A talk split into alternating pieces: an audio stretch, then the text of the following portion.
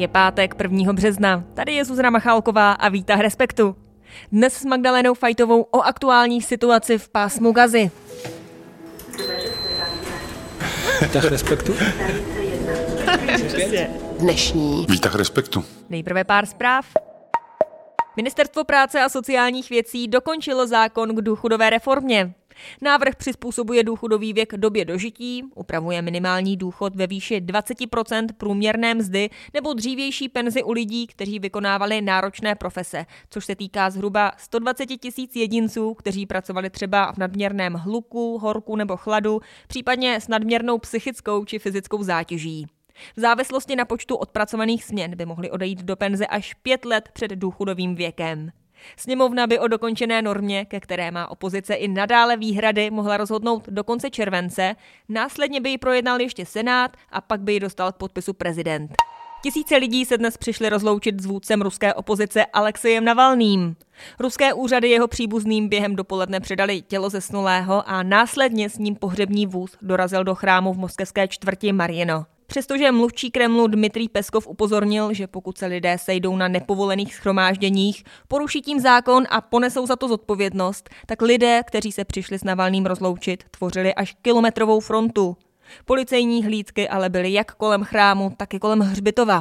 No a v centru Langhans člověka v tísni už je se mnou i kolegyně Magda Fajtová. Ahoj Magdi. Ahoj. Přidala bys ještě nějakou další zprávu? Mě zaujala zpráva o tom, že francouzská rozvědka DGSI kterou citoval eh, francouzský státní zástupce, tvrdí, že loňský takovou tu vlnou jako obav o šíření štěnic eh, ve Francii i jinde v Evropě podporovala ruská hybridní kampaň, tak to mi přijde hodně zajímavé, protože i já jsem tehdy v té době měla dost strach já taky, já vracet taky. se domů s obavou, že jsem si někde v hotelu možná nabrala jednu, dvě štěnice, takže zajímavé, že podle teda francouzských úřadů tady tu vlnu hodně zintenzivnilo Rusko.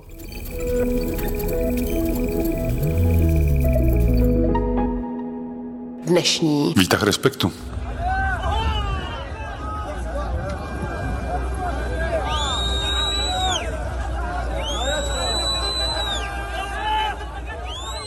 Dodávky humanitární pomoci do pásma Gazy se stalo jedno velké neštěstí, které se vyžádalo životy a nechalo za sebou mnoho zraněných.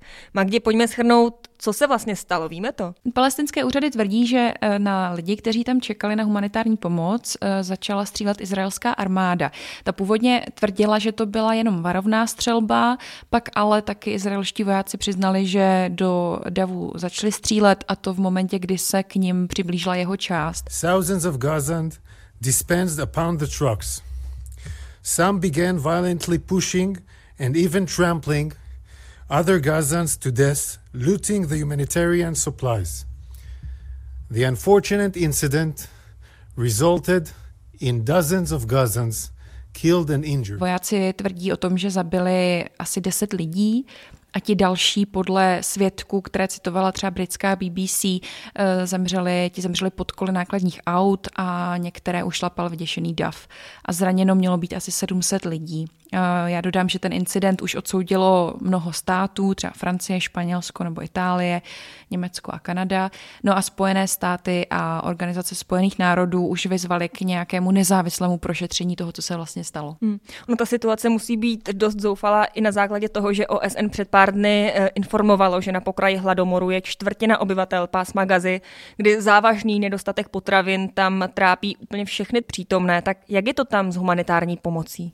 Je pravda, že podle OSN ta čtvrtina, což je asi 600 tisíc lidí, tak je skutečně v pásmu Gazy žije na pokraji hladomoru. Ta humanitární pomoc se tam v poslední době dostává velice složitě. Denně tam přijíždí jenom málo kamionů s pomocí. Ve středu jich bylo asi 30, což pro srovnání eh, je mnohem méně než třeba v době toho krátkého klidu zbraní loni v listopadu. Jezdilo tam tehdy každý den asi 200 kamionů. OSN musela pomoc omezit eh, hlavně kvůli nebezpečí, které tam hrozí řidičům a dalším humanitárním pracovníkům. Northern Gaza is extremely difficult uh, to reach. Convoys that have been planned over the past one month, two months, have all but been denied. Very few have uh, No, to německá ministrině zahraničí Annalena Berboková včera řekla, že distribuci humanitární pomoci musí vzhledem k situaci v pásmu Gazy eh, zajistit izraelská armáda, respektive, že musí zajistit, aby ta distribuce tam byla možná. Na obou stranách toho konfliktu se objevují různé informace, i třeba ohledně počtu obětí. Jaká je situace? Tak teď ta aktuální čísla podle palestinského ministerstva zdravotnictví říkají, že už v pásmu Gazy od začátku války zemřelo 30 tisíc lidí. To ministerstvo, jak se často uvádí, je ovládáno hnutím Hamas, nicméně eh, s těmito informacemi pracují třeba i mezinárodní organizace, jako je Světová zdravotnická organizace. A už jsme tedy zmínili, že kromě toho, že tam už zemřelo spoustu lidí, tak je tam samozřejmě velice závažná humanitární situace. Spousta lidí trpí hlady a rozšiřují se tam nemoci. Tak jenom ještě pro srovnání, tam připomeňme, že celý ten konflikt začal té intenzivní fázi 7. října, kdy hnutí Hamas, které jak Spojené státy, tak i třeba Evropská unie považuje za teroristické hnutí, vniklo do Izraele, kde zahynulo 12 lidí a nějakých 250 Hamas zavlekl do pásma Gazy. Ano, já bych zdůraznila, že hnutí Hamas je teroristické hnutí, to, co si říkala, a zároveň jeho cílem je skutečně zlikvidovat Izrael. Takže jenom abychom byli vyvážení, tak bych to ráda tohleto podtrhla, zdůraznila. Magdě, ona ta situace je ohromně komplikovaná i pro lidi, kteří se jí dlouhodobě a intenzivně věnují, tak pro lajky může být velmi složité se zorientovat v tom, komu vlastně věřit, protože něco říká Izrael, něco říkají palestinské úřady, které si řekla, že jsou pod kontrolou Hamásu, něco říká OSN, zpravodajské služby západních i arabských států, humanitární organizace, to je ohromné množství zdrojů. Jak s tím pracovat? Tak kdykoliv uh, obecně ve válečných konfliktech je extrémně složité pracovat s informacemi, které dostáváš od těch válčících stran. Při obě strany, které jsou spolu v konfliktu, tak uh, strategicky rozhodují o tom, jaké informace zveřejní a jak přesně se o těch uh, věcech bude informovat. Takže je to opravdu extrémně složité a platí to v každém konfliktu, třeba i na válce na Ukrajině. Mm-hmm. Všimněme si, že kdykoliv se bavíme o tom, kolik třeba vojáků zemřelo na straně Ukrajiny a, a Ruska, tak dodáváme, že není možné tyhle informace nezávisle ověřit. Samozřejmě v pásmu Gazy to platí také, je to velice složité. Myslím si, že se vyplatí sledovat to, o čem píší nezávislá média, nezávislí novináři. V pásmu Gazy jsou, ale stejně jako ostatní civilisté, tak jsou ohrožení. A...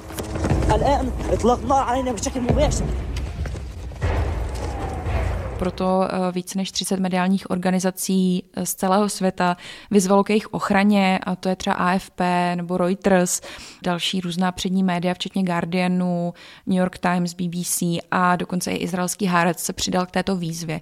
Takže nezávislá média v pásmu Gazy jsou a, eh, ale bohužel novináři jsou stejně jako v jakékoliv jiné válce extrémně ohrožení a dostáváme se zpátky k tomu, že prostě nikdy nedosáhneme toho, že informace budou naprosto přesné. To prostě není možné. Magdi, a když mluvíme o nezávislých médiích, tak pojďme alespoň nějaké jmenovat. Klidně sama za sebe. Z jakých médií čerpáš ty z těch třeba zahraničních? Tak já vím, že eh, v pásmu Gazy mají své novináře agentura AFP, takže eh, ti mají skutečně informace z místa a já jinak eh, čerpám informace třeba z Reuters eh, nebo z deníku Guardian, ze, ze západních médií, která mají informace od lidí přímo z pás magazy.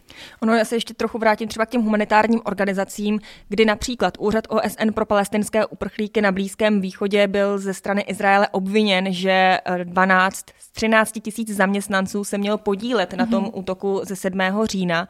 Tak mě zajímá, do jaké míry to znehodnocuje tento úřad jako relevantní relevantní zdroj. Protože no, to, to je samozřejmě... jenom je to 12 lidí ze 13 tisíc. Hmm, je to samozřejmě jako, no tak je to složité, no. Každá strana se na to samozřejmě kouká jinak. Eh, někdo tvrdí, že prostě přesně, no, že, že to, že jedna, že skupina lidí, která se podílí na zvěrstvech, to bylo opravdu skutečně šílené zvěrstva, hmm. co se dělo v Izraeli, tak nemělo by to prostě zkazit ten pohled nebo ovlivňovat ten pohled na tu organizaci. The Secretary General is horrified by this news and asked Mr. Lazzarini to investigate this matter swiftly and to ensure that any UNRWA employee shown to have participated or abetted in what transpired on October 7th or in any other criminal activity be terminated immediately and referred for potential criminal prosecution.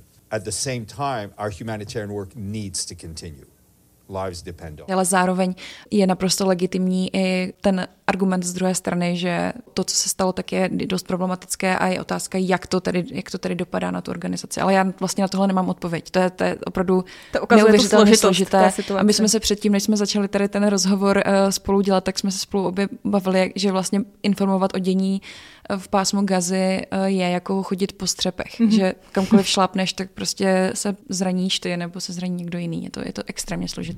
Je to tak. Magdě, ono nejen Západ, ale i některé arabské státy vyzývají k okamžitému příměří a k propuštění mm. těch rukojmích.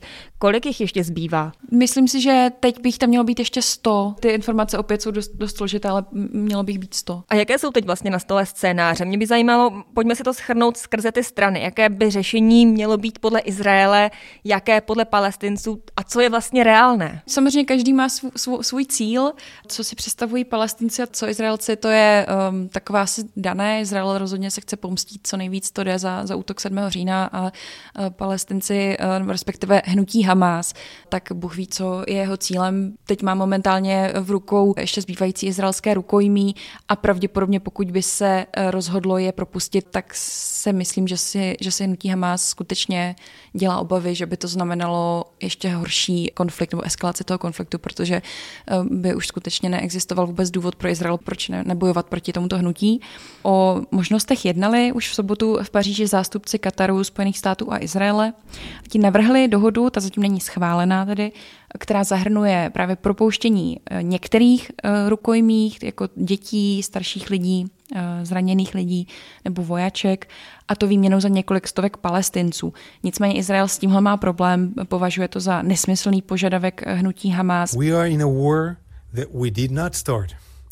We did not seek.